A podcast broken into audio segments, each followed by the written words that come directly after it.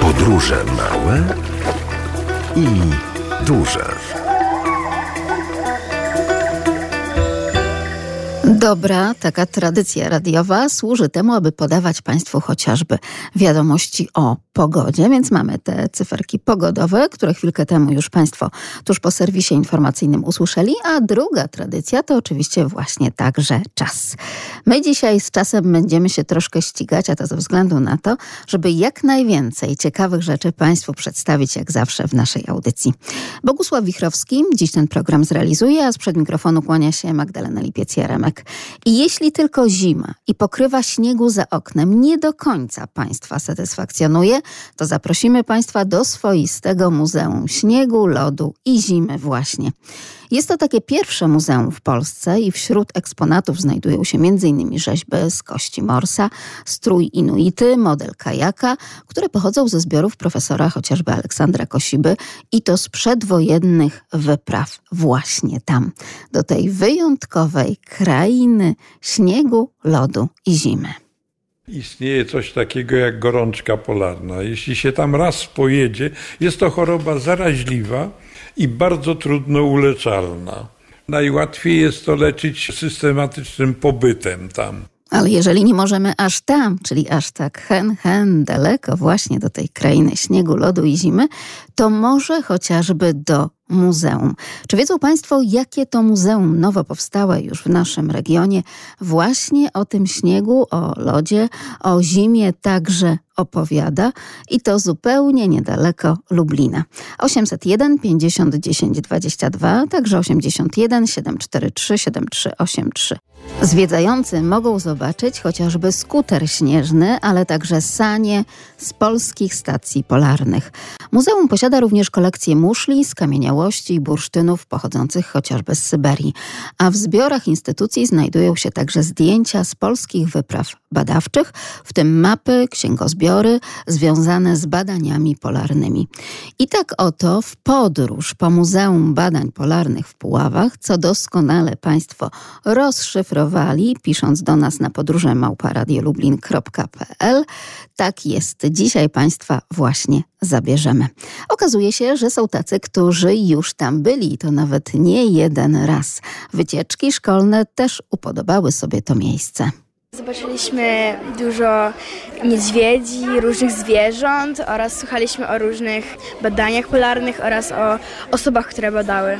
Mi się najbardziej podobało różne na przykład zwierzęta, które były po prostu pokazywane, przedstawiane jak naprawdę wyglądały i prezentacja właśnie o tych zwierzę, zwierzątkach i o niedźwiedziach polarnych. A czy ty byś się chciała znaleźć na tych biegunach wśród śniegu i wiatru? Myślę, że jeżeli chodzi o stopnie, to nie, ale jeżeli chodzi o śnieg, to może. Y, ja bardzo chciałabym być chociaż na chwilę, zobaczyć jak to jest, ale żeby tam żyć tak zawsze, to chyba nie. Otóż to. Ale jednak troszeczkę zasmakować tego śniegu chciałoby się chociażby w wyobraźni. I to właśnie sprawia, że w Muzeum Badań Polarnych w Puławach możemy tego doświadczyć. Nie tylko najmłodsi, ale starsi jak najbardziej też. Ale od razu nasuwa się takie regionalne pytanie, bo przecież to młode muzeum dopiero trzy lata sobie liczy. Dlaczego akurat Puławy? I to pytanie kierujemy do doktora Piotra Kondraciuka, dyrektora Muzeum Badań Polarnych w Puławach.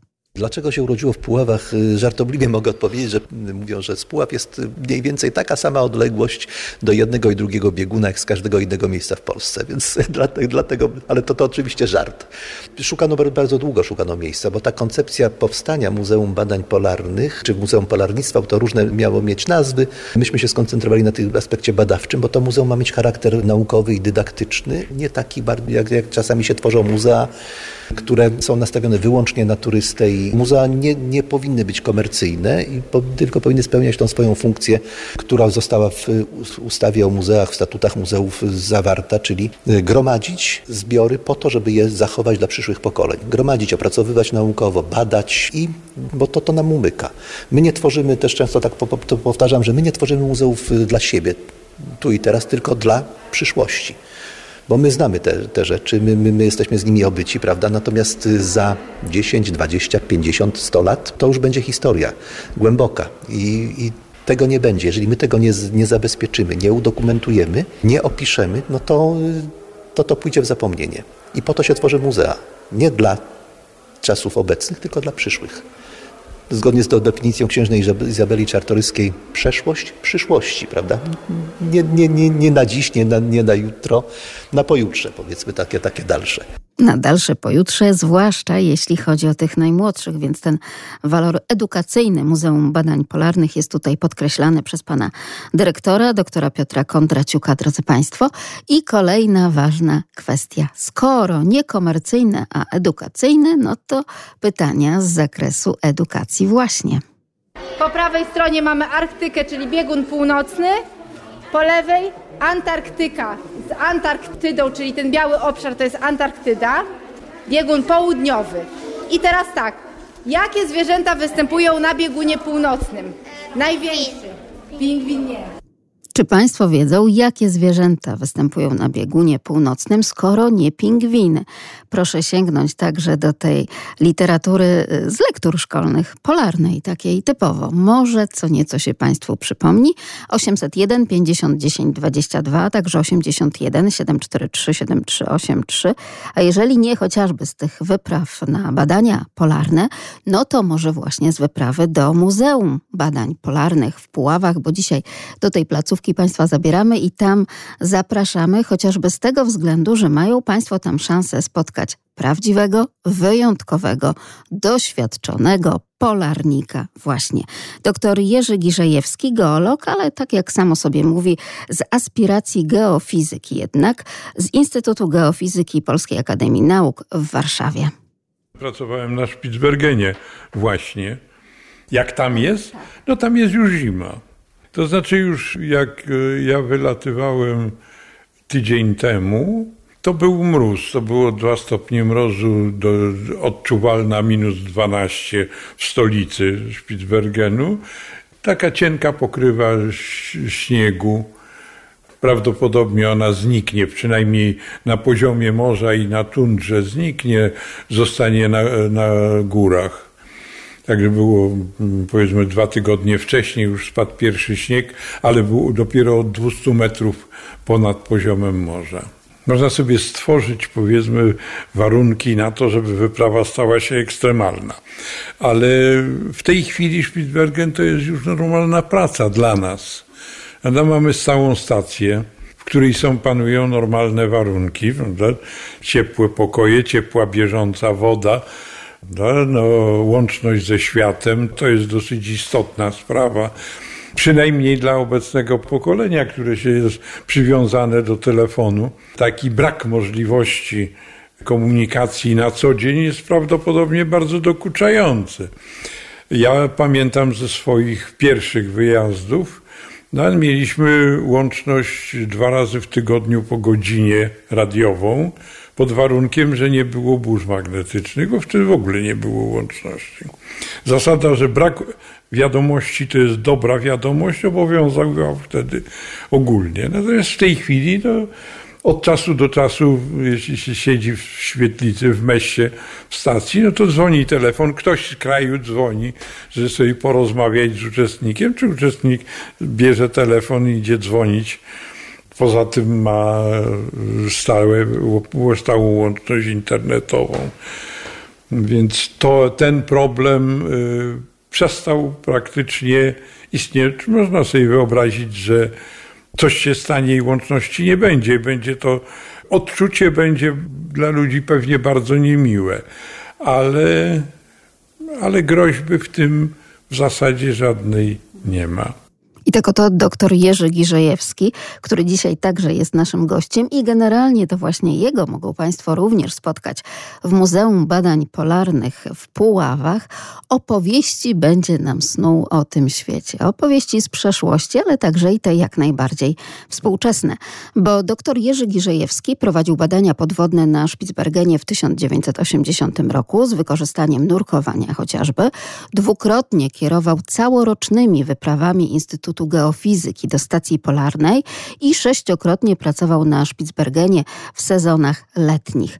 I między innymi teraz właśnie od kilkunastu lat zajmuje się popularyzacją polarystyki. W tym roku dołączył także do prac oceanograficznych realizowanych przez Zakład Badań Polarnych i Morskich, więc powrócił na Spitsbergen i ma szerokie spektrum spojrzenia na to chociażby jak wygląda to globalne ocieplenie i czy on zauważa tak po prostu organoleptycznie także to topnienie lodowców, patrząc przez swoje własne doświadczenie pobytu tam. I w tej chwili wyraźnie widać, że no, sytuacja się pogarsza pod tym względem. Jest tego lodu, śniegu jest coraz mniej. Lodowce się wyraźnie cofają.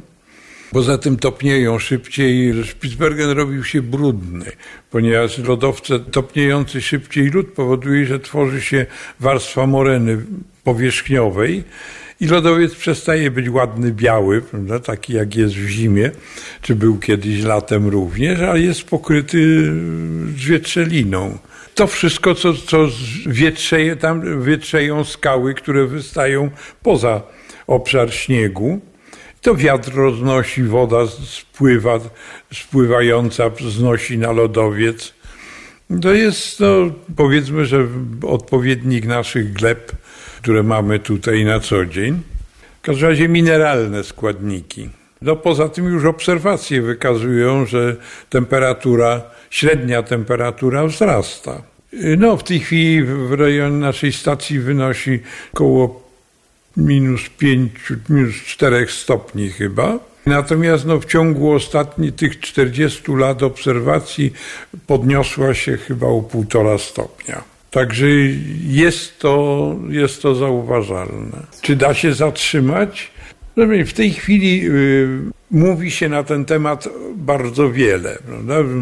Głównie mówi się to pod kątem tego, że należy zatrzymać emisję gazów cieplarnianych. Jeżeli by się udało to zablokować zupełnie, co jest utopijne, że sobie cywilizacja bez produkcji gazów cieplarnianych na razie nie jest możliwa, to y, wzrost temperatury można by było zatrzymać. Prognozy są tam do, do końca wieku, prawda, że, że mogłaby się utrzymać temperatura w tej chwili taka sama, co spowodowałoby spowolnienie już rozpędzonych procesów topnienia. Zwolnienie tych procesów. Natomiast jeśli się nie uda tego zrobić, no to temperatura będzie rosła. Arktyka jest bardzo, bardzo czuła, ponieważ tam jest duży obszar, to jest woda pokryta lodem. Jeżeli powierzchnia lodu się kurczy, to powiększa się obszar wody. Woda jest ciemna, w związku z tym pochłania znacznie więcej światła, podgrzewa się, potem to ciepło oddaje. Efekt jest taki, że Arktyka, w Arktyce temperatura rośnie w tej chwili według obliczeń około 4 razy szybciej niż globalna. I takie oto ciekawe wiadomości, nie tylko naukowe, ale takie prosto z życia wzięte. Chociażby o tym, że nie wolno rodzić chociażby w mieście, w stolicy norweskiej prowincji Svalbard e, dzieci. Co więcej, nie wolno także chować tam zmarłych. Będziemy jeszcze o tym wszystkim opowiadać, także o jedzeniu, o zapasach dowożonych statkiem tylko i wyłącznie raz do roku dla polarników, właśnie do tej stacji badawczej. Ale jeszcze wróćmy do naszej wiedzy i do edukacji. Po prawej stronie mamy Arktykę, czyli biegun północny. Po lewej Antarktyka z Antarktydą, czyli ten biały obszar to jest Antarktyda. Biegun południowy. I teraz tak, jakie zwierzęta występują na biegunie północnym? Największy. Pingwin nie. Akurat nie pingwiny w takim razie co takiego? Jakie zwierzęta, pani Krystyno? Dzień dobry. A, dzień dobry, pani redaktor. Na pewno niedźwiedzie polarne, tak morscy, jest. To mhm. występują, renifery, y, są białe wilki i lisy polarne. Y, te lisy polarne to się nazywają pieśćce. Tak, i przy okazji nazwa trudna, ta spolszczona do nas do wymówienia, to prawda, ale jeśli chodzi o wygląd, o umaszczenie, o puszystość również tego futra, no to biją na głowę nasze rodzime, prawda? Tak, tak. I jeszcze zające polarne są. Tak, jak najbardziej. One mają też te futra inne. Także Całkiem... są inne te zwierzątka niż na i tym drugim biegunie. Właśnie o to chodzi, e, ponieważ bardzo często mylimy to e, oba bieguny, a także faunę i florę z tych dwóch biegunów i niestety również takie błędy pojawiają się chociażby w czasie lekcji przy omawianiu Anaruka, chłopca z Grenlandii, albo Zaczarowana Zagroda. I kiedy dzieci mają stworzyć makietę, właśnie taką pełną lodu i śniegu ze styropianu przy okazji, to dobry materiał do wykorzystania na taką makietę, to też pojawiają się błędy, więc tutaj i sam pan dyrektor Muzeum Badań Polarnych, ale także sam pan polarnik, dr Jerzy Giżejewski, geolog, geofizyk, podkreślają, że to dobrze, żeby właśnie uczniowie przede wszystkim pojawiali się w tym muzeum, bo ta wiedza przekazana im w różnoraki, nowoczesny bardzo sposób, także taki multimedialny, być może lepiej do nich wszystkich trafi. Bardzo Pani dziękuję za dziękuję rozmowę bardzo. i za rozwiązanie zagadki, ale to oczywiście nie koniec naszych zagadek. Niedźwiedź, biegun północny niedźwiedź, zapamiętujemy. Niedźwiedź, lisy polarne, renifery, tak, zające polarne, a na południu? A na południu w takim razie kto?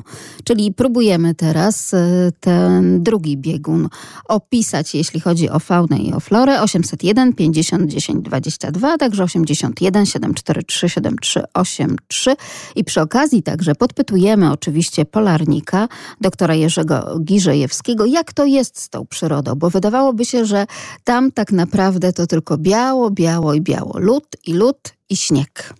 Można sobie znaleźć miejsce, gdzie są tylko skały i śnieg. Natomiast no, jest cały dosyć duży obszar, zwłaszcza no, mogę powiedzieć o Spitsbergenie. Spitsbergen jest w tej chwili pokryty w około 60% przez lodowce. Natomiast reszta to jest ziemia, która się odsłania spod lodu.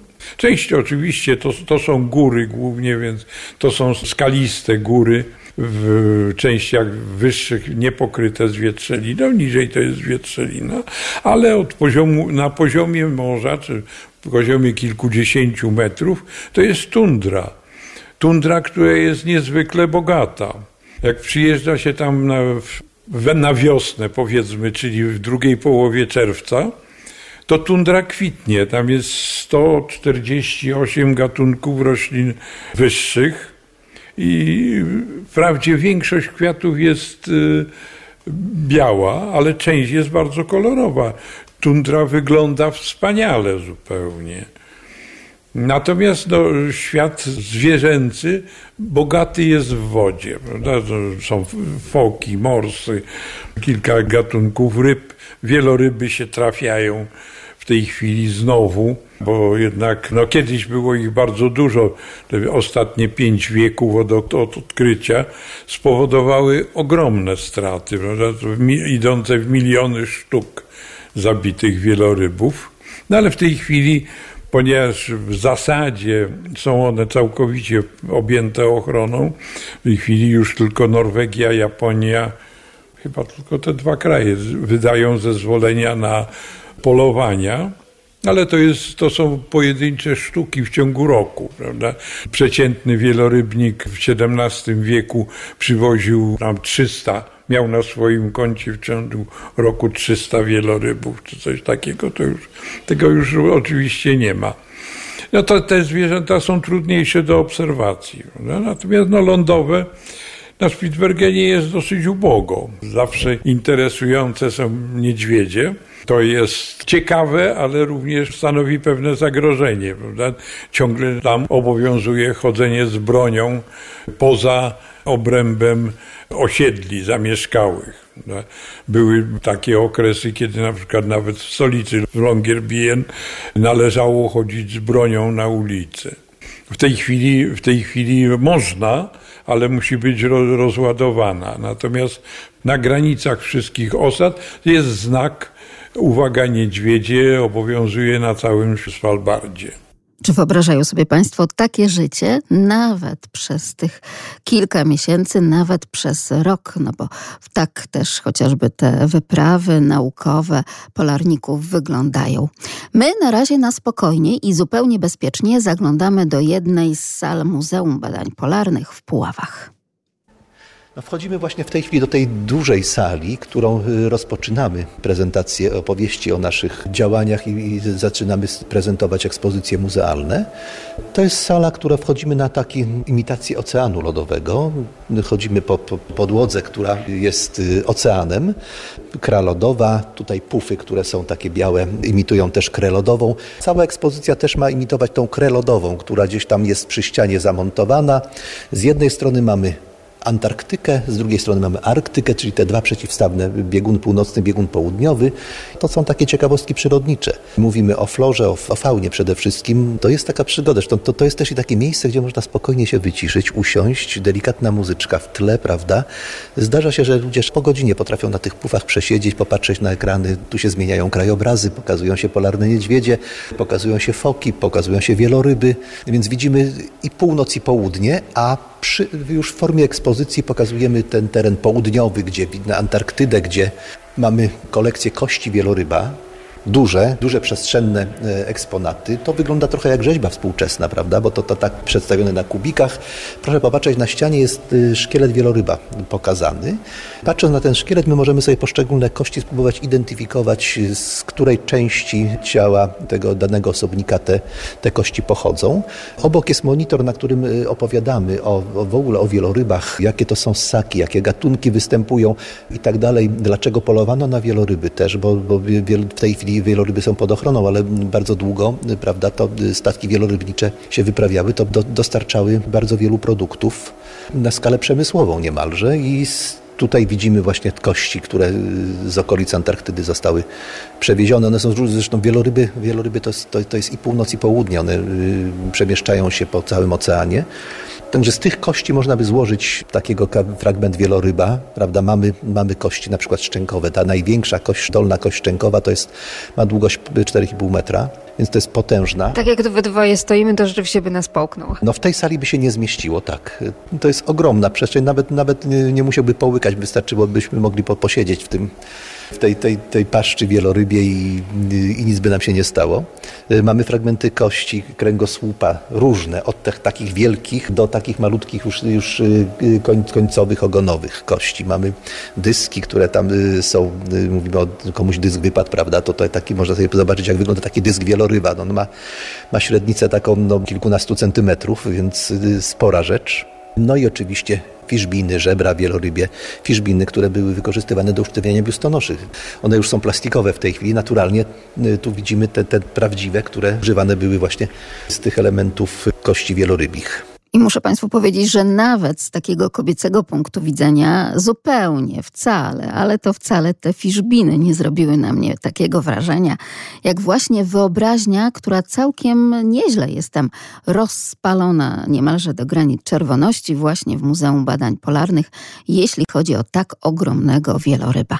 Ale my Państwa pytamy o to, czy na przykład pingwina można postawić koło niedźwiedzia polarnego. Jak to jest z tym biegunem południowym, czyli jakie tam zwierzęta żyją, bo północny już sobie omówiliśmy 801 50 10 22, a także 81 743 7383. Na nasz adres podróże małpka.radiolublin.pl spływają pozdrowienia i próby na razie zmierzenia się z odpowiedzią na pytanie, jakież to zwierzęta możemy spotkać na biegunie południowym teraz, w odróżnieniu do północnego. I pozdrawia nas także pani Krystyna. Pozdrawiam, ale mimo wszystko wolę nasz klimat, a nawet bez śniegu. Ale przyznają Państwo, że jednak jest coś fascynującego w takim wsłuchaniu się w opowieści polarnika, w tę pasję, ale także w te prowadzone badania, bo to jest świat dla nas ciągle jeszcze, pomimo iż tak wiele już podróżujemy po świecie, mimo wszystko bardzo, ale to bardzo odległy, trudny, nieprzyjazny dla życia człowieka. Mówi się tak w naszym środowisku, że istnieje coś takiego jak gorączka polarna. Jeśli się tam raz pojedzie, jest to choroba zaraźliwa i bardzo trudno uleczalna. Najłatwiej jest to leczyć systematycznym pobytem tam. Co jest fascynujące? No, fascynująca jest przyroda. Fascynujący jest jeszcze ciągle no, bardzo ograniczony wpływ ludzi, brak ludzi. Natomiast no, oczywiście jest to istotne, że cały szereg procesów, które tam się obserwuje, obserwuje się na żywo, przebiegającym w szybszym tempie niż gdzie indziej. Więc no, jest to niewątpliwie ciągle obszar fascynujący pod względem badawczym, no a warunki sprzyjają temu, żeby jednak tam rzeczywiście ciągnęło. Zajmowałem się badaniem mm, osadów powstających w fiordach, metodami geofizycznymi, a w tej chwili zajmuję się zmianami chemizmu wód w fiordach wywołanego właśnie topnieniem, tym coś, cofaniem się lodowców. To jest duży temat. W tej chwili no, planowane zakończenie jest w przyszłym roku. Prawie czteroletni, międzynarodowy. Zobaczymy, co z tego wyniknie.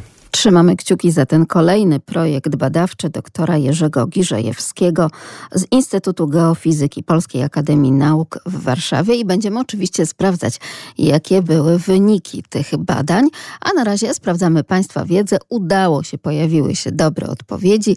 Gratulujemy w takim razie sięgnięcia także chociażby do lektur z lat dziecinnych, bo całkiem sporo tej literatury polarnej, jeśli tak można powiedzieć, możemy znaleźć na półkach naszych polskich bibliotek. Pingwiny przede wszystkim, foki, morsy i wieloryby. Tak, bardzo dobrze. Bardzo dobrze, chodzi przede wszystkim o pingwiny. Ale skoro już jesteśmy chociażby nawet przy tych y, lekturach, drodzy Państwo, to jakie pingwiny także w Muzeum Badań Polarnych możemy spotkać? Pan dyrektor y, Muzeum Badań Polarnych w Puławach, pan dr Piotr Kondraciuk, próbuje Państwu opisać i podpowiedzieć, a Państwo spróbują odszukać, jak nazywa się ten szczególny gatunek pingwina. To są te małe pingwiny, tak, bo cesarskie są większe, one są, no mają tam y, dwa razy większe przynajmniej, są, są bardziej okazałe, no te, te są takie drobne, małe, małe pingwiny.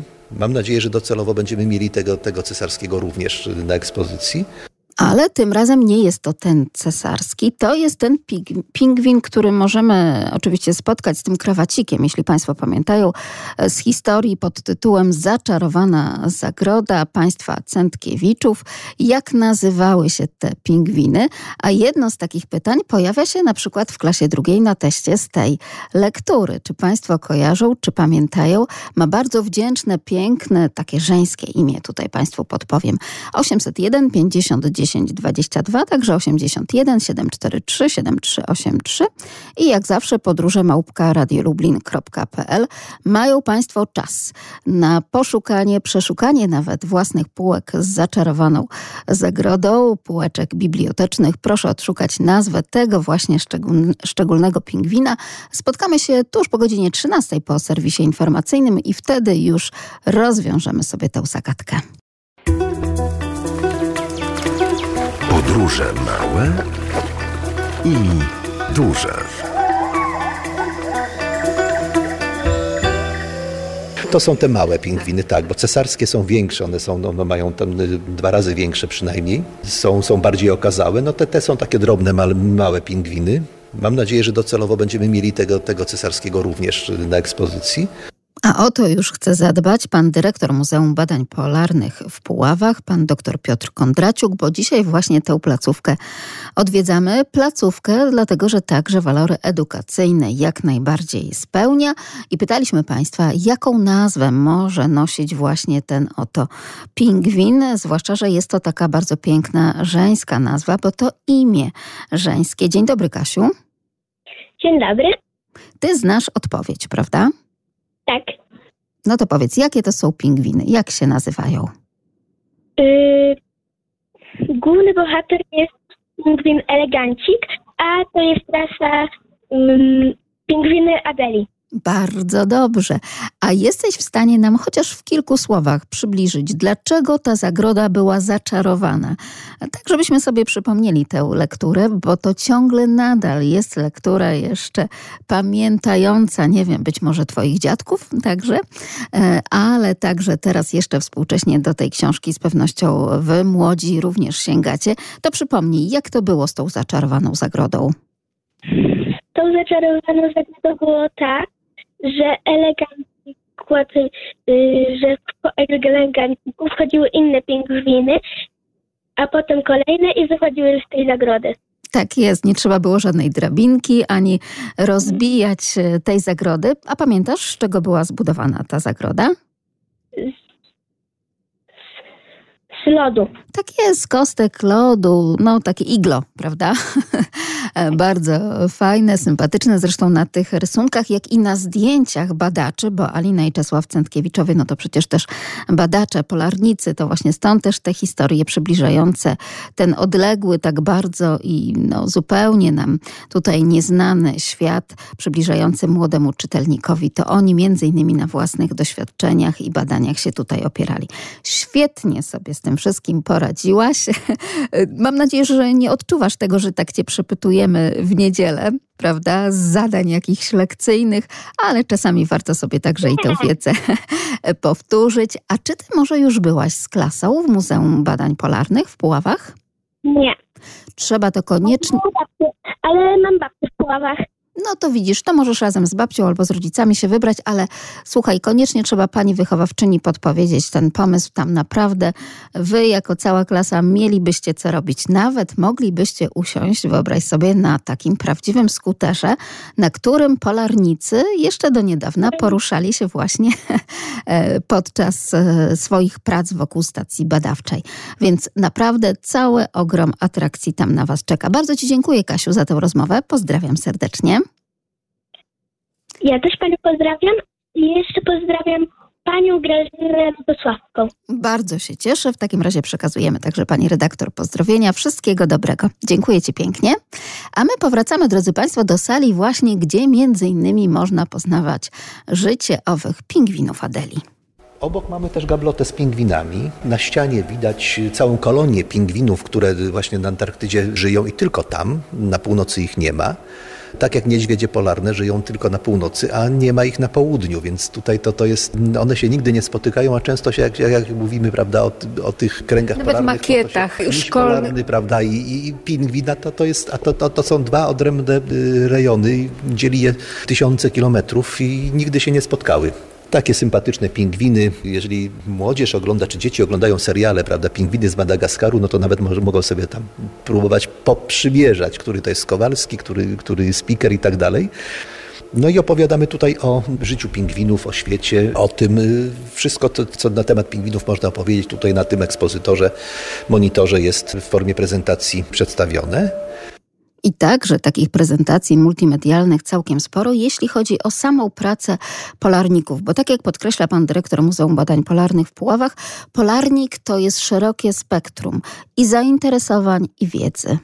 To nie jest tak, że to, że to jest jedna dyscyplina naukowa. To jest, tych dyscyplin jest cała masa. Praktycznie wszystkie dyscypliny naukowe mogą tutaj być pokazane, dlatego że no, polarnik, nawet i sztuka, która, prawda, którą pokazujemy na, w formie takich ekspozycji etnograficznej, wytwory miejscowych ludów, ale też i sztuka polarników. Przecież oni pracują, zimując tam, trzeba ten czas jakoś wykorzystać, więc mnóstwo talentów się ujawnia. Oni malują, rzeźbią, tworzą jakieś elementy metaloplastyki, więc te, te prace to też, też jest element właściwie historii polskiego polarnictwa, bo to pokazuje też i człowieka, który musi się zmierzyć z tym surowym klimatem i gdzieś na to, tam w tym, w, tym, w tym miejscu jakoś przeżyć, bo to, to nie jest proste. Proszę sobie wyobrazić, że, że jesteśmy z dala, tak jakby w kosmosie. To, to też i badania dotyczące zachowania człowieka w, w lotach w kosmosie prowadzone przez NASA na przykład wykorzystuje doświadczenia polarników.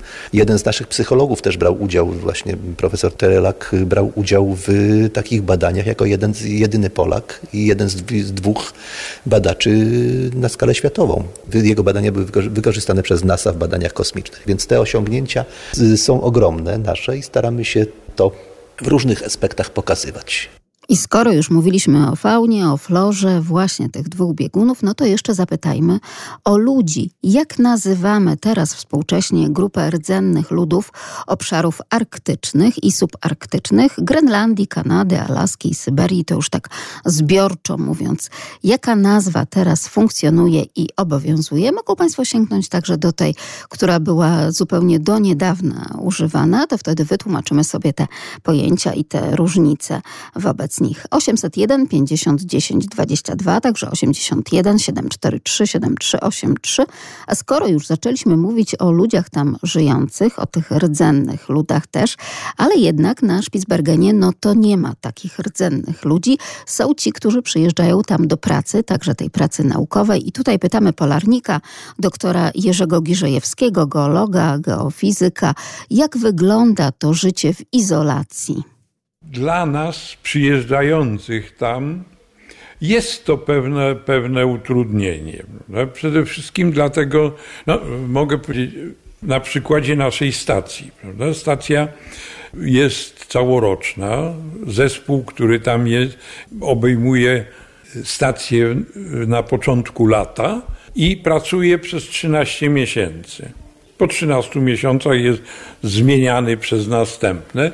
To jest niewielka grupa, od 8 do 10 osób, praktycznie odizolowana. No w tej chwili, jak mówię, łączność, telewizja, internet i tak dalej y, spowodował, że ten problem oddzielenia, takiej zupełnej separacji praktycznie już nie istnieje.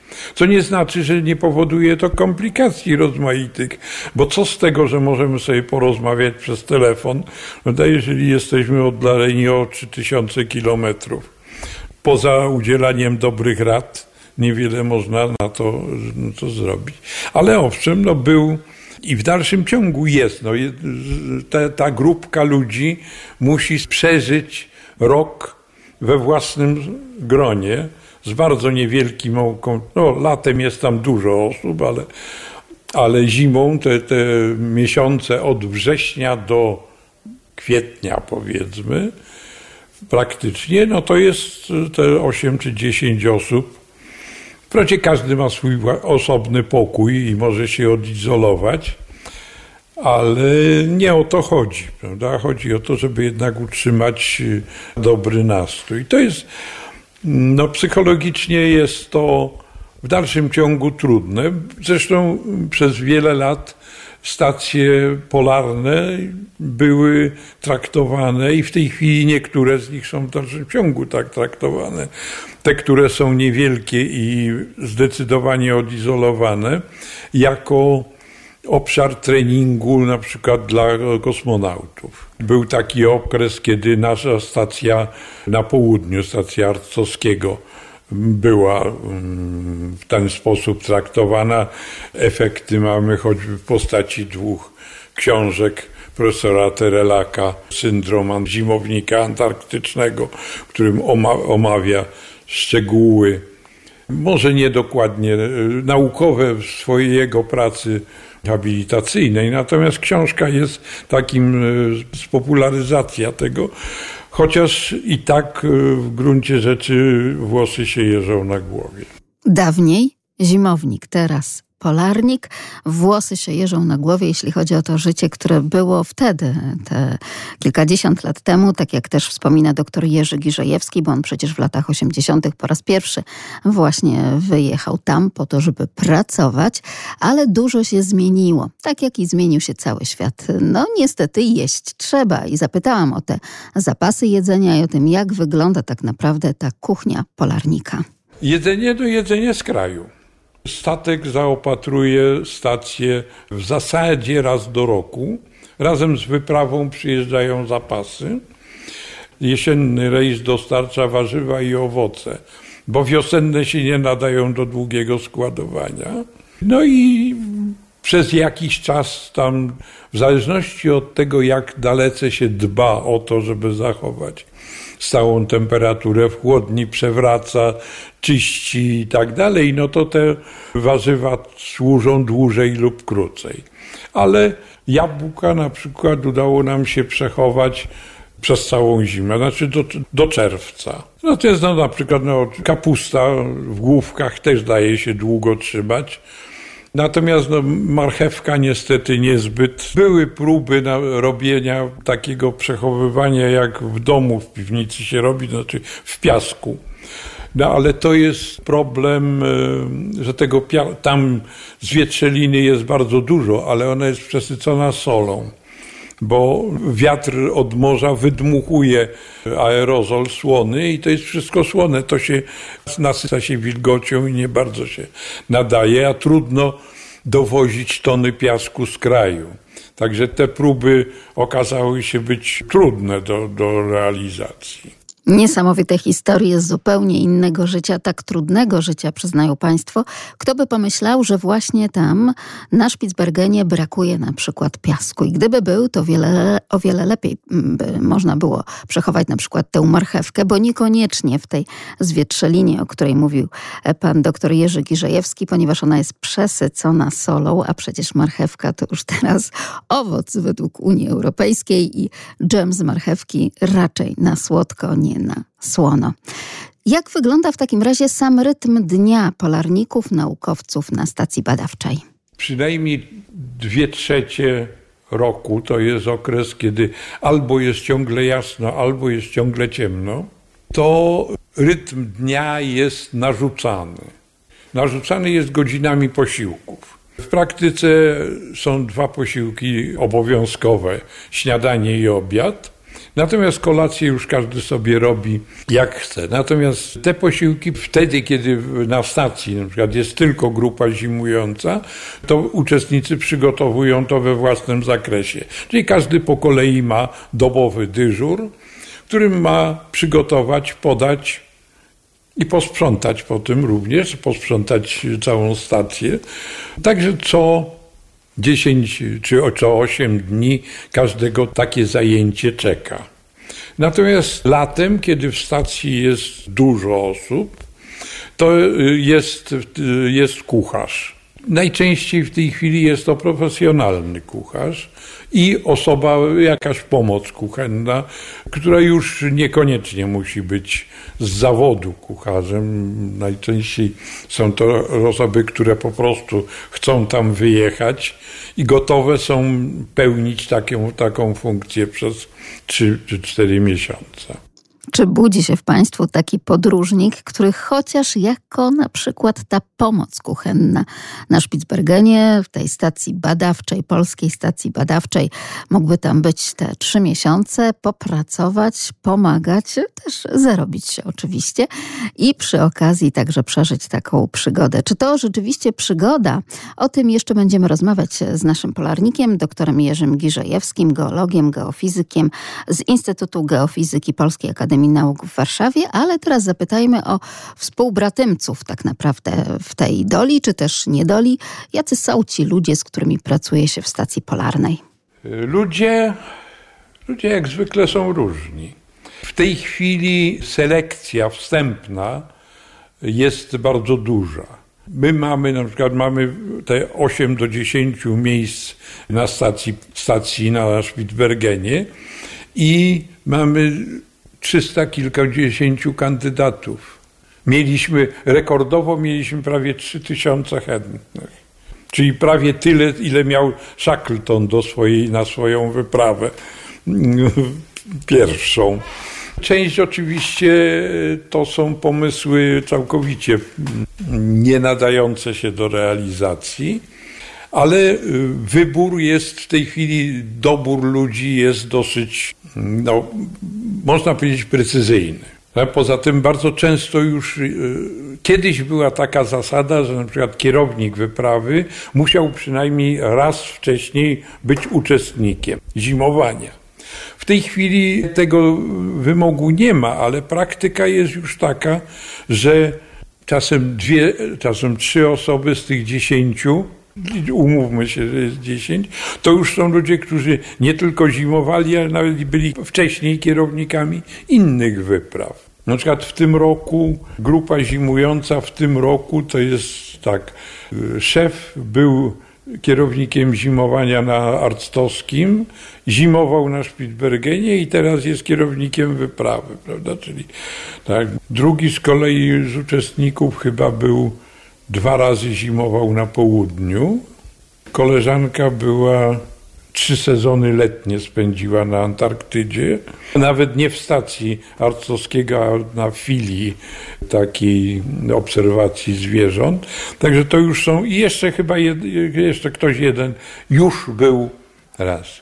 W tej chwili personel jest dobierany, powiedzmy, owszem, są zawodowcy, meteorolodzy na przykład, to są, czy klimatolodzy, to są ludzie najczęściej umiejętnościami kierunkowymi, ale część osób to są ludzie, którzy się przyuczają, są przyuczani. Większość pomiarów, na przykład cały monitoring geofizyczny, który jest prowadzony tam regularnie, to jest całkowicie zautomatyzowana, skomputeryzowana aparatura. Potrzebny jest sprawny elektronik, który będzie pilnował tego, żeby to działało. Natomiast już nie ma tego, żeby trzeba było na bieżąco opracowywać merytorycznie wyniki pomiarów. Dopóki nie było całej łączności i y, wyniki nie były dostępne online, prawda, no to, to rzeczywiście było wtedy wymagania przygotowania zawodowego znacznie wyższe niż w tej chwili. No to jeszcze zapytajmy o mieszkańców tych terenów. Jak to wygląda życie tak naprawdę na co dzień tych, którzy tam przyjechali, osiedlili się i pracują? Nie tylko jako naukowcy, ale tutaj już pan doktor Jerzy Giżejewski wyjaśni tak naprawdę e, te osady e, mieszkańców, czym, z czego żyją, jak żyją i także jak radzą sobie z tymi dziwnymi dla nas tutaj e, na stałym lądzie zakazami, jak na przykład taki, że nie rodzą się tam dzieci, nie powinny się tam rodzić dzieci i co więcej, ci, którzy umrą, to niestety ciało zostaje odtransportowane, ponieważ nie można tam chować zwłok. Na Spitsbergenie jest w tej chwili, są cztery osady poza stacją. Stacja jest traktowana, nasza stacja też jest traktowana jako osada stała, no bo ma mieszkańców, tak. No ale jest stolica, stolica norweska Longyearbyen, to jest miasteczko, które ma w tej chwili około półtora tysiąca mieszkańców. Przedszkole, szkołę podstawową, średnią i uniwersytet. Na uniwersytecie jest chyba około 700 studentów. Z tym, że to nie są pełne studia takie od pierwszego do ostatniego roku, tylko to są studia specjalizujące już w badaniach różnych elementów, ale polarnych. Trzeba tam dostać stypendium, to, to, koszty są dosyć wysokie. Znaczy dla Norwegów nie wiem, ale no, mamy w tej chwili co roku kilka osób z Polski też tam studiuje. Poza tym no, jest to siedziba przedsiębiorstwa zajmującego się tam wydobyciem węgla. No bo miasteczko powstało jako miasteczko górnicze, było okresem, kiedy świetności, w tej chwili już wydobycie jest ograniczone tylko do potrzeb własnych, nie ma już eksportu. I w przyszłym roku ostatnia kopalnia ma być już zamknięta. No, dalej będzie elektrociepłownia będzie prawdopodobnie napę- gazem albo węglowodorami w każdym razie, no bo znaczy, są ludzie, którzy mieszkają tam długo. W Longyearbyen jest szpital, ale ma stosunkowo małą załogę. Chyba w tej chwili jest dentysta, internista, chirurg i tyle. Znaczy, może nie trzech, tylko może jest ich więcej, nie wiem dokładnie, ale w każdym razie, jeśli idzie o rodzenie, to chodzi o to, że w przypadku jakichś komplikacji szpital nie jest w stanie zapewnić odpowiedni. Wobec tego tam w ostatnim, ostatnim miesiącu ciąży mm, jednak sugerują, żeby pojechać na kontynent, rodzić na kontynencie. Natomiast no, z umieraniem jest odwrotnie, tam nie ma możliwości pochowania praktycznie, bo wieczna zmarzlina wypycha to jest y, to, że groby na przykład wielorybników tam z XVII-wiecznych, no to to wszystko już jest w, dużej mierze zostało wypchnięte i, te resztki leżą na powierzchni. Są, są bardzo pilnie chronione, ale, ale są, mm, także nie dopuszcza się tego, żeby, żeby tam były groby formalnie. Natomiast no, pracują tam, tam urzędnicy, na przykład gubernator czy służba gubernatorska mają kadencyjne. Chyba trzy albo czteroletnia kadencja, mogą być dwie kadencje po kolei. Natomiast pozostali no, pracownicy przyjeżdżają, pracują przez jakiś czas. Praca na Spitsbergenie jest dosyć dobrze płatna, tam to jest strefa bezpodatkowa, także praca tam jest sposobem na zdobycie pewnej, pewnych zasobów finansowych. Placówki naukowe, jest uniwersytet, prawda? jest y, no, Norweski Instytut Polarny, jest kilka jednostek naukowych innych państw, jest elektrociepłownia, prawda? jest jeszcze kopalnia, no jest handel i turystyka w tej chwili. Głównie duża część osób to są, to są ludzie pracujący w obsłudze ruchu turystycznego. Wszystko ładnie, pięknie, ale dobrze, czy rzeczywiście ci ludzie mają jakieś szczególne predyspozycje psychiczne? Czy trzeba mieć naprawdę silny charakter, żeby tam żyć? Chyba tak. Są w jakiś sposób uodpornieni. Uodpornieni zarówno na warunki klimatyczne, no bo trzeba, ale również na, na pewne, no, można powiedzieć, może nie, niedogodności i klimatyczne. Prawda? Dla, dla wielu osób, zwłaszcza noc polarna, jest dosyć trudna psychicznie. Lato, lato też bywa dosyć trudne, ale w każdym razie raczej, raczej te, te depresyjne klimaty nocy polarnej powodują, że tam zbyt wiele lat niechętnie już w tej chwili ludzie pracują. Znałem osobiście parę, parę osób, które spędziły tam praktycznie całe życie i było im tam bardzo dobrze. Zresztą jest ta, y, niedawno wyszła u nas taka książka Birgera Amundsena o traperze, który przyjechał tam, to jak, jako już dorosły człowiek, ale spędził tam 40 lat. No o ile wiem, jest trzech policjantów. Tam są ewentualnie jakieś kłopoty typu zaśmiecanie na przykład, no bo tym, że tam również się nie zakopuje śmieci, tylko je trzeba utylizować. Wiemy, jak to wygląda w stacji, prawda? Ze stacji, że są beczki, w których się zbiera szkło, metal i oddaje się do Longyearbyen i oni to wywożą chyba na kontynent nie utylizują tutaj. Część jest y, utylizowana w postaci spalarki plazmowej, także zostaje mm, woda. No i na przykład stacja ma oczyszczalnię ścieków, która zapewnia to, że, że to, co wypływa ze stacji jest czyste zupełnie inne życie i inaczej zorganizowane niż chociażby tutaj w Polsce. I tak oto dla polskiego turysty z pewnością ten śnieg, lód, ale także wszystkie te no, ciekawe rzeczy, tak egzotyczne mimo wszystko dla nas, z pewnością już sprawiają, że te atrakcje turystyczne są. Ale czy coś więcej, na przykład jakieś dania regionalne, czy coś takiego można spotkać także na Spitsbergenie? Jest kilka regionalnych dań, ale to ponieważ y, Spitsbergen nie miał pierwotnej ludności w ogóle. To są wszystko napływowi ludzie, prawda? Więc z jednej strony to są na początku Norwegowie, potem na początku jeszcze Holendrzy, Anglicy, ci z, z okresu wielorybnictwa, potem głównie Norwedzy. W tej chwili jest to dosyć duża mieszanka.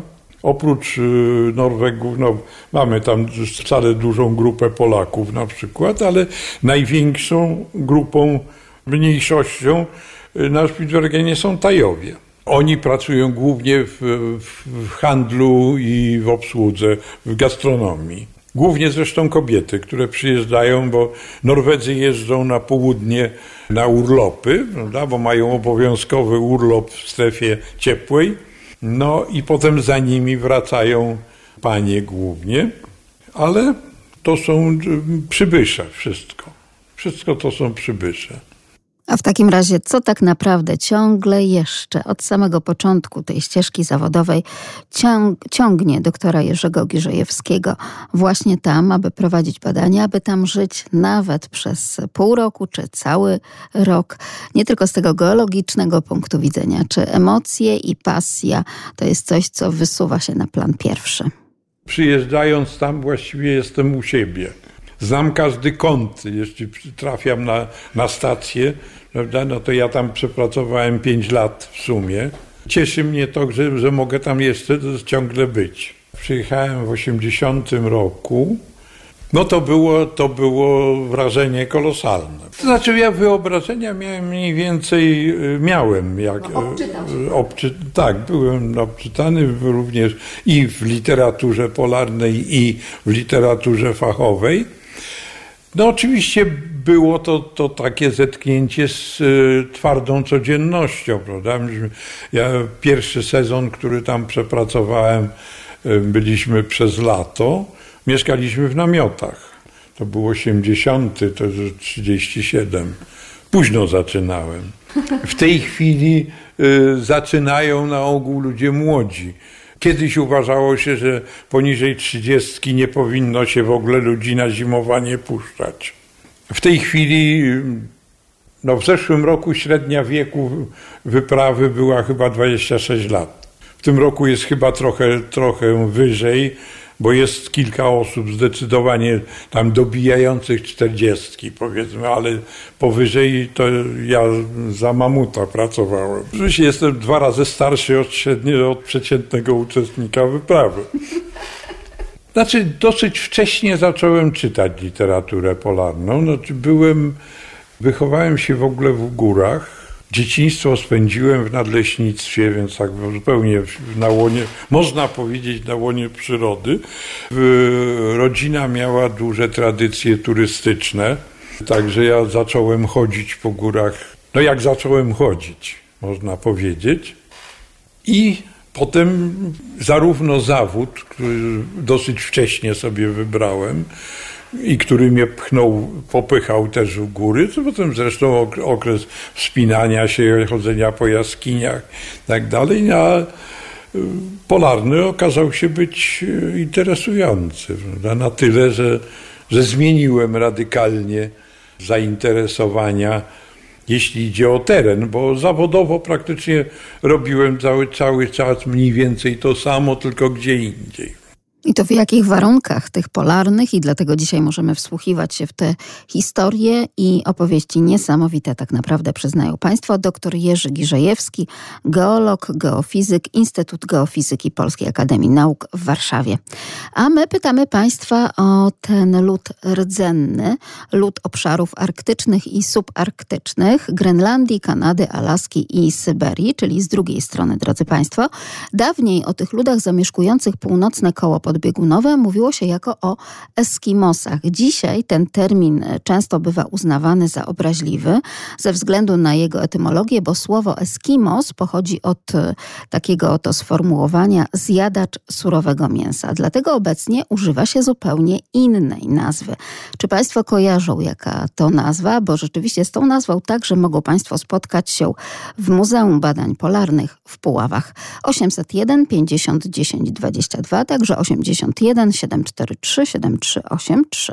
Kiedyś ich domami były tak naprawdę namioty przykryte skórami reniferów i fok.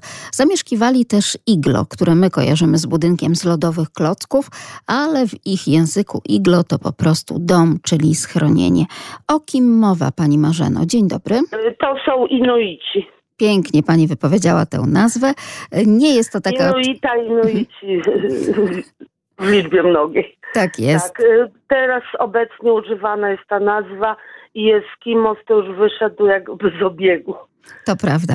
To prawda, też i w języku zmiany zauważamy, więc tutaj ten szacunek e, oddany właśnie Inuitom polega na tym, że tak, a nie inaczej się do nich zwracamy. Zresztą jest to takie życzenie wypowiedziane, kto wie, czy nawet nie jakimiś aktami prawnymi, bo gdzieś i takie informacje również znalazłam i czytałam. Zresztą coraz więcej osób, które podróżują w te rejony, mogą nam o tym mówić i przekazywać te informacje. E, widzę, że świetną ma Pani wiedzę, jeśli chodzi o to, To bo nie było to znaczy, takie oczywiste. To znaczy, spotkałam się z tą nazwą jakiś czas temu, yy, gdzieś w telewizji, że już Eskimosi wyszły z mody. Jasne. I teraz mamy właśnie taką, a nie inną nazwę. Dziękuję bardzo. Cieszę się, że jest Pani Jeszcze razem z nami. Chciałam Tak? powiedzieć, że z przyjemnością słucham Pani audycji. Mam córkę podróżniczę, która więcej jest za granicą niż w kraju. Teraz też, y, że tak powiem, buja się po świecie. Ciągle gdzieś podróżuję i bardzo lubię słuchać Pani audycji, ale y, namawiałam ją, żeby poszła kiedyś i poopowiadała, bo od y, 2019 roku to mogę na palcach dwóch rąk policzyć, ile była w kraju. Bardzo taką, dobrze. W takim razie wymieńmy się kontaktem i z przyjemnością zaprosimy Pani córę. Jak wróci, bo teraz znowu jest w pracy. W tej chwili jest w RPA. O, no to ciekawe, zupełnie inny klimat Tak, jest w porównaniu z tym, który jeszcze- dzisiaj mamy. To jeszcze Afrykę zwiedza, y, Azję zwiedza. No była już, w Azji to była chyba już wszędzie. W takim razie koniecznie musimy zaprosić tutaj No. Panią na e, pogaduchy przy radiowych mikrofonach. ma o czym opowiadać, ma o czym mówić, a ja z przyjemnością właśnie słucham y, pani tych audycji, bo, bo tak jakbym była bliżej córki. Bardzo Pani dziękuję za tę refleksję. Wszystkiego dobrego i do usłyszenia właśnie. Dziękuję pięknie. A samych Inuitów, także ich życie, ale również przedmioty użytku codziennego, w tym także ubrania, również te z dawnych lat mogą Państwo zobaczyć, drodzy Państwo, właśnie w Muzeum Badań Polarnych w Puławach. I przechodzimy na drugą stronę, czyli na biegun północny i tam teren, który jest zamieszkany przez ludzi. Są Inuici i inne ludy, rdzenne ludy Arktyki, które te tereny zamieszkują. To, to są północne tereny Norwegii, Finlandii, prawda, Grenlandia, też Islandia. I na tych terenach, właśnie y, z tych terenów y, pozyskiwane, przywożone eksponaty badawcze jeszcze z lat 30. prezentujemy właśnie w gablocie. Oryginalny strój inuicki, piękne skórzane buty, takie podwójne, bo to jedna część, widać, że to ta, ta część jest wewnętrzna, potem wkładana jeszcze w jedną skórę, pięknie wyszywane koronkami ze skóry renifera, uszyty taki kombinezon z kapturem i chyba jeden z najlepiej zachowanych, oryginalnych y, w Polsce, po- które prezentujemy. Przedmioty codziennego użytku, torebki, jakieś pasy ozdobne, no i tutaj cała gablota z narzędziami codziennego użytku, także zabawkami, które y, Inuici wykonywali. To są pamiątki, które w latach 30. profesor, wtedy jeszcze nie profesor, profesurę zdobył po wojnie, Aleksander Kosiba, absolwent Uniwersytetu Lwowskiego, potem nauczyciel w Puławach, nomen omen, i z Puław wyjechał na Grenlandię i na, do Laponii na pierwsze, pierwsze wyprawy badawcze i, i już został polarnikiem. On był uczniem Arctowskiego, te, te, też, też bardzo znane nazwisko, prawda, badaczy, jednego z badaczy kręgów polarnych. A jeśli chodzi już o badania polarne i także o pamiątki z takich badań polarnych, to chociażby, drodzy Państwo, nie ominą go Państwo, bo od razu, kiedy wchodzą Państwo do Muzeum Badań Polarnych w Puławach, to na pierwszym miejscu jest on. A tutaj mamy jeszcze, jak zwrócicie uwagę, pod ścianą taki piękny eksponat i to jest jedyny eksponat w muzeum, na którym można usiąść i wyobrazić sobie, patrząc na ekran, na specjalny film do tego przygotowany, że jedziemy sobie takim skuterem w tych zaspach śnieżnych i pokonujemy tą trudną dla polarników codzienność. Y, skuter śnieżny. Y, Jak zwrócicie uwagę właśnie na naklejki, które znajdują się na tym skuterze, to zobaczycie, że na naklejkach widnieje niedźwiedź.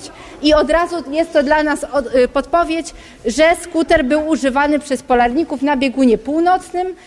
Polish Polar Station, Spitsbergen, wyprawa Polskiej Akademii Nauk, czyli na Spitsbergenie był używany przez polarników. Skuter jest jak najbardziej sprawny, tylko brakuje nam paliwa i śniegu.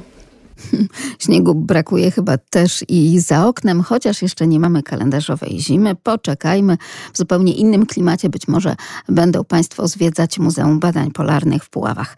Czyli już wiemy, że na skuterze niedźwiedź, e, czyli tutaj mamy teraz helikopter i tu będzie pingwin, drodzy Państwo, bo jeśli chodzi o skuter, to wewnątrz budynku, wewnątrz muzeum, natomiast na zewnątrz mogą Państwo podziwiać helikopter ze pingwina, w takim razie biegun południowy. Informacja, że ten helikopter latał właśnie na Antarktydzie, na południu, na stacji Antoniego Bolesława Dobrowolskiego. Również mamy napis Polska Akademia Nauk i imię Jan na drzwiach. Imię Jan, tak jest nazwany ten helikopter, na cześć Jana Nagórskiego, pierwszego polarnika, który wykonywał pierwsze loty nad Arktyką. Ten helikopter przeszedł gruntowny remont, ponieważ został przez nas znaleziony w Świdniku w bardzo złym stanie, a odnaleźliśmy go po starym czarno-białym filmie, na którym właśnie widnieje numer rejestracyjny SPSPR.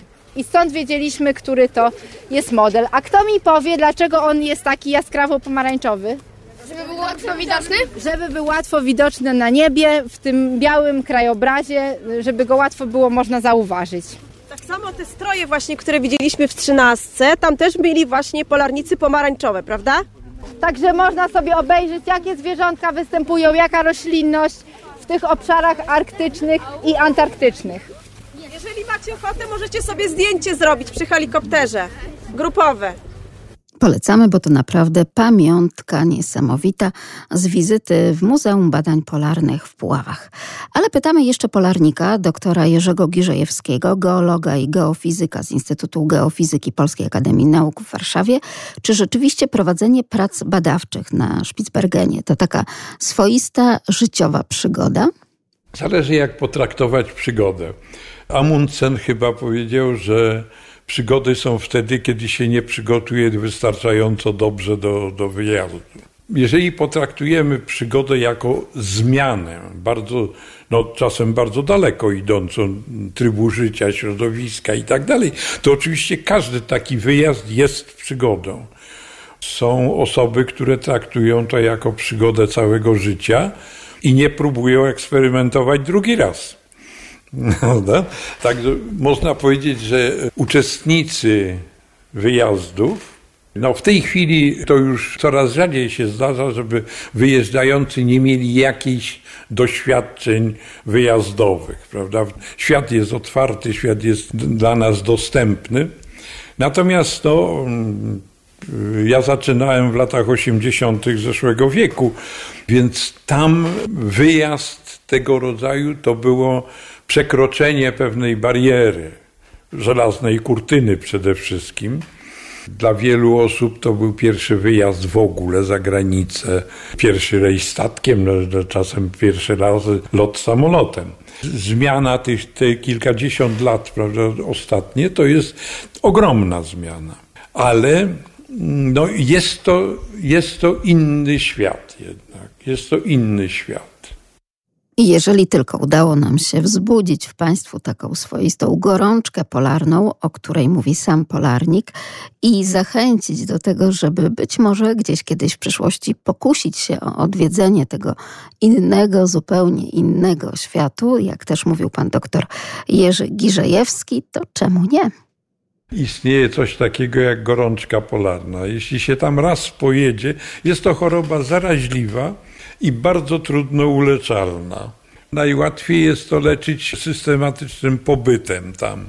A na początek może właśnie pobytem tu, czyli w Muzeum Badań Polarnych w Puławach. My z pewnością tam jeszcze będziemy powracać, ponieważ sama ekspozycja będzie się rozrastała i kto wie, czy nie natrafimy na kolejne ciekawe eksponaty, o których też będzie można poopowiadać w naszej audycji Podróże Małe i Duże. A za dziś dziękuję pięknie. Magdalena Lipiec-Jaremek, kłaniam się. Do usłyszenia.